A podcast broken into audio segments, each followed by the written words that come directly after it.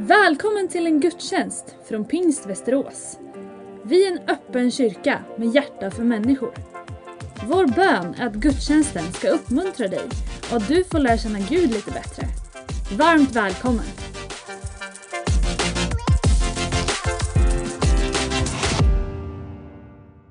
Idag vill jag läsa ifrån Apostlagärningarnas sjätte kapitel och jag läser de sju första verserna där. Och vi läser i tro på Guds ord i Jesu namn. Vid den tiden när antalet lärjungar växte började de grekisktalande judarna klaga på de hebreisktalande över att deras änkor blev bortglömda vid den dagliga matutdelningen. Då kallade de tolv samman alla lärjungarna och sa, det är inte bra om vi försummar Guds ord för att göra tjänst vid borden. Nej, bröder, utse sju män bland er som har gott anseende och är fyllda av ande och vishet, så ger vi dem den uppgiften. Själva ska vi ägna oss åt bönen och åt ordets tjänst. Alla de församlade gillade förslaget. De valde Stefanus, en man fylld av tro och den helige ande. Dessutom Filippus, Prokorus, Nikanor, Timon, Parmenas och Nikolaus, en proselyt från Antiochia. Man förde fram dem inför apostlarna som bad och la händerna på dem. Och Guds ord hade framgång. Och antalet lärjungar i Jerusalem växte kraftigt. Även en stor grupp präster började lyda tron. Det här är den tidiga kyrkans skälvande, spirande, växande tillvaro. Det här är några dagar, några veckor efter Jesu himmelsfärd. Det här är i kölvattnet utav att anden hade kommit över lärjungarna, pingstdagens stora händelse, eld ifrån himmelen, liv ifrån Gud. Och jag är så tacksam för det, att kyrkan inte hittar på sig själv, utan Gud föder fram församlingen på pingstdagen. Men vår text visar att man hinner knappt mer än börja förrän tillväxten också ställer till ganska stora bekymmer och utmaningar. Snacka om utmaningar 2020. Vem av oss trodde på nyårsnatten att vi skulle ha gudstjänster via Youtube, att vi skulle få begränsningar på riskgrupper och hur många man får samlas, hela allt detta som är pandemin. Jag läste någonstans 120 000 avlidna i covid-19 i landet Brasilien. Ingen av oss kunde förutse dessa konvulsioner, dessa omvälvningar. Den här texten som vi nyss läste, den visar att det finns i den nya tidiga kyrkan tillväxt men också väldiga utmaningar. Och de är på de praktiska områdena. Här uppstår en kris, det uppstår en konflikt i den tidiga kyrkan. Det finns någonting i Jerusalemsförsamlingen som de inte verkar tillämpa i de kommande församlingsplanteringarna som Antiochia, Korint, Efesos, Filippi och så vidare. Allt det här som växer fram. Och det är egendomsgemenskap. Lukas använder en del av tiden för att beskriva om detta. Det finns en abrupt svår händelse med Ananias och Safira som har med det här att göra. Men vad det verkligen handlar om är att på grund av att så många kommer till tro, 3000 blir döpta på pingstdagen, även många som hade sin anställning vid templet, vi läste om präster här som började lyda eller omfatta tron, så utvecklar den första församlingen i Jerusalem vad man kallar egendomsgemenskap. Alla gav allt. Man sålde det man hade, man gav in det man hade, man, man på något sätt tog av sig klockan om man nu hade någon, kanske ett stensolur i hettan, där vad vet jag. Man gav allting för att man hade mött den uppståndne Jesus. Det var en total omvälvning, man förstod nu är en ny era här. Våra liv är aldrig mer detsamma. Vi måste ge allt in i församlingen. Här finns de tolv med Petrus, Jakob, Johannes i spetsen. De har precis ringat in en ny Mattias efter Judas Iskariot. Allting händer, de blir förbjudna att tala av prästerna. Det är liksom en, en tillväxt men det är också väldigt mycket friktion. Men friktionen är inte bara utanför förföljelse och fiendskap, utan det finns enorma behov i församlingen.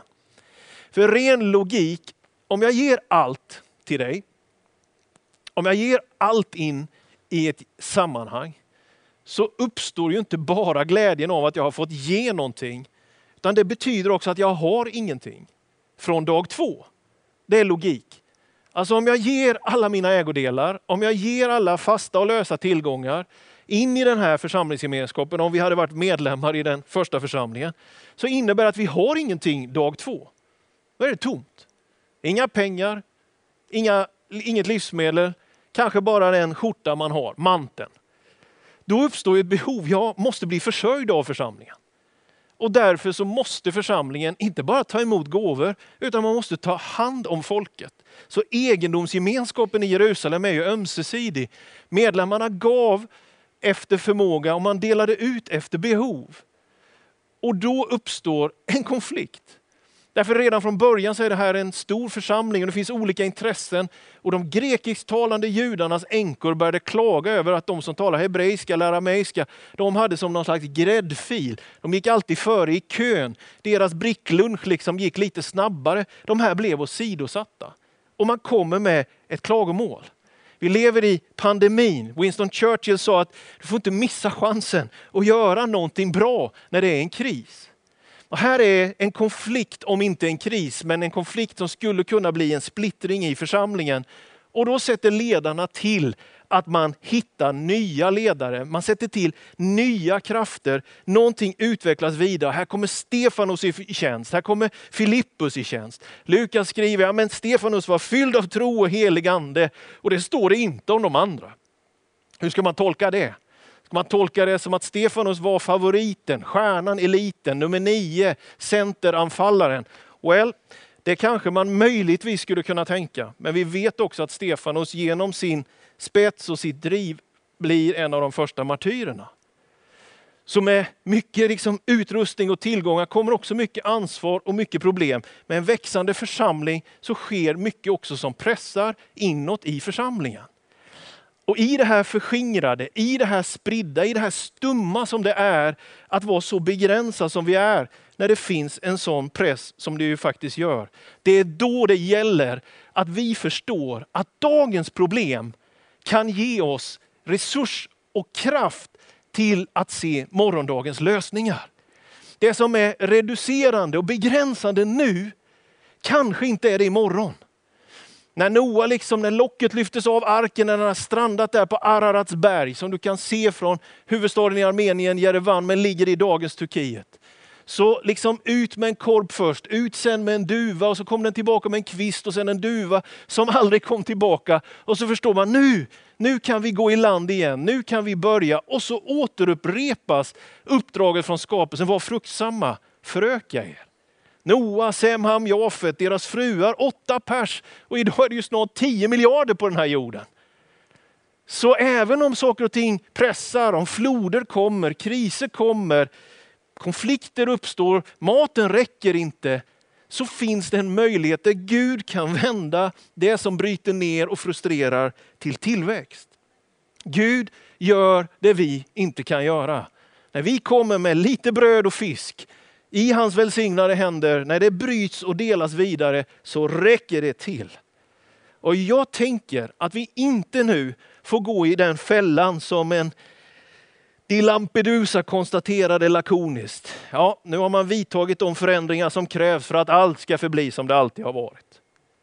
Jag tror att det här är en chans att på riktigt ta din tro på allvar. Ta ditt medlemskap i församlingen på allvar. Att inte vara beroende utav ett system men ändå ge sig till gemenskapen kyrkan. Att förstå att när det blir utsatthet, när det blir fattigdom, när konflikter kommer så är det inte orsak till att man ger upp eller släpper av, utan apostlarna satte till nya ledare. Man letade efter de som var fyllda av ande och visdom och tro och de ordnade så att det blev ordning vid matbespisningen. Vet du, när eh, branden var i Västmanland, stora skogsbranden, så lärde jag mig ordet pyrofyla, arter, djur och växter.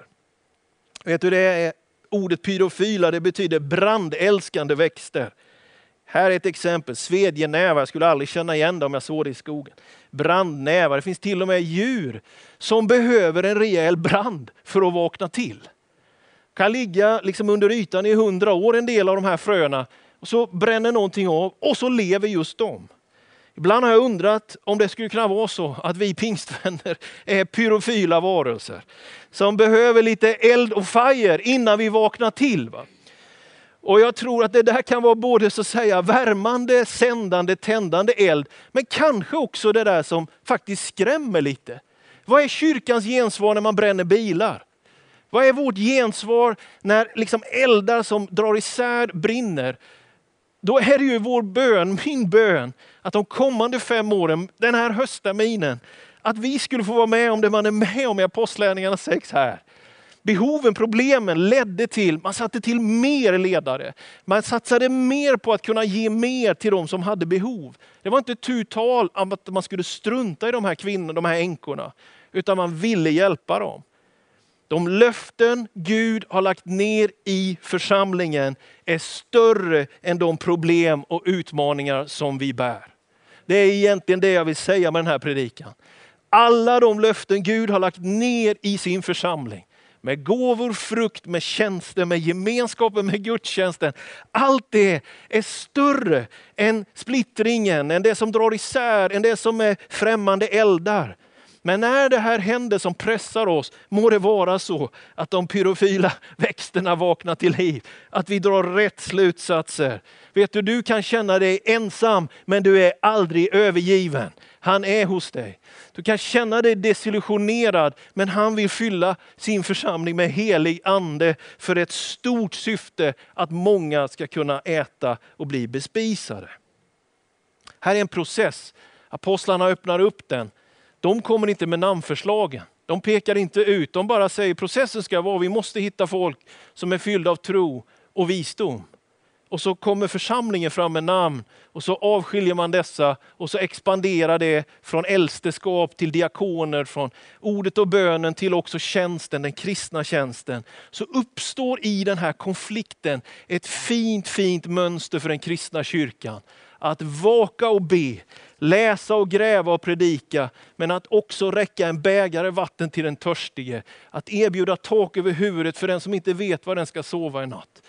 För oss är det tre satser fram de kommande åren.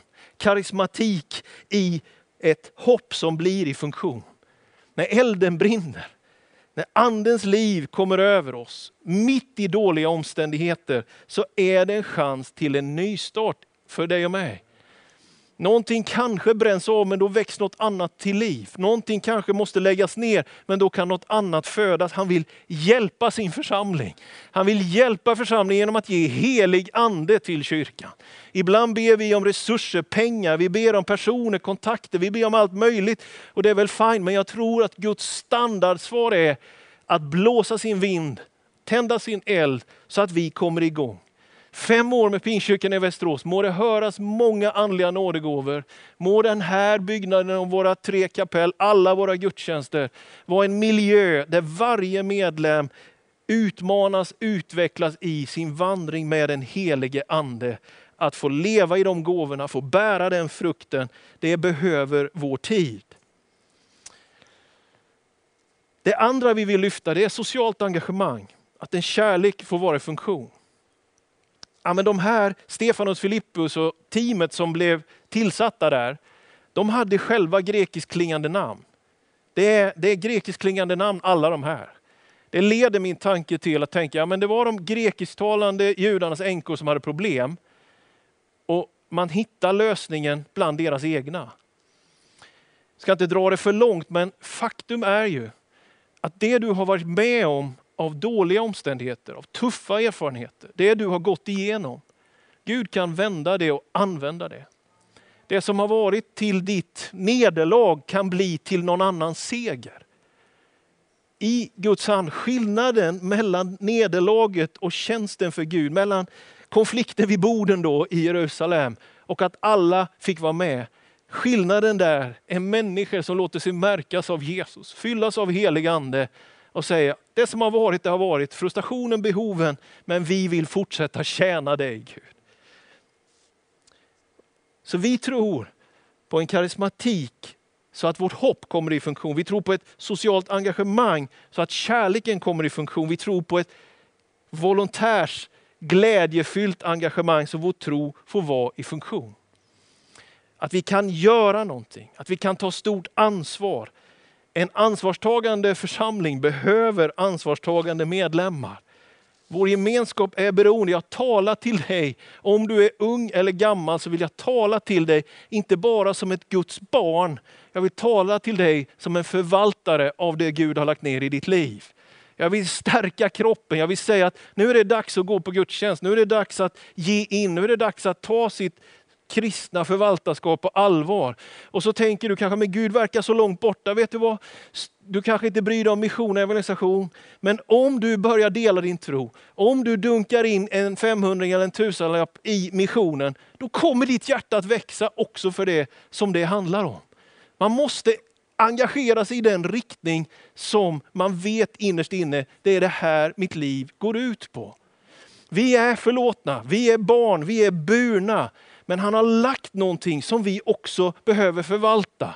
Den här församlingen är inte stark på grund av sin pastors eventuella starkheter. Den här församlingen är stark på grund av varje lems bidrag.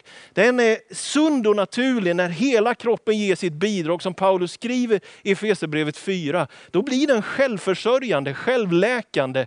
Inte så att vi människor gör det, men när vi ställer våra gåvor till förfogande så kan Gud verka genom det så att kroppen byggs upp. Tänk dig i Västerås, i Skultuna, Surahammar och Norberg, ut över världen i vårt internationella uppdrag. Tänk dig en kyrka som vibrerar av andlighet där människor får erfara Gud.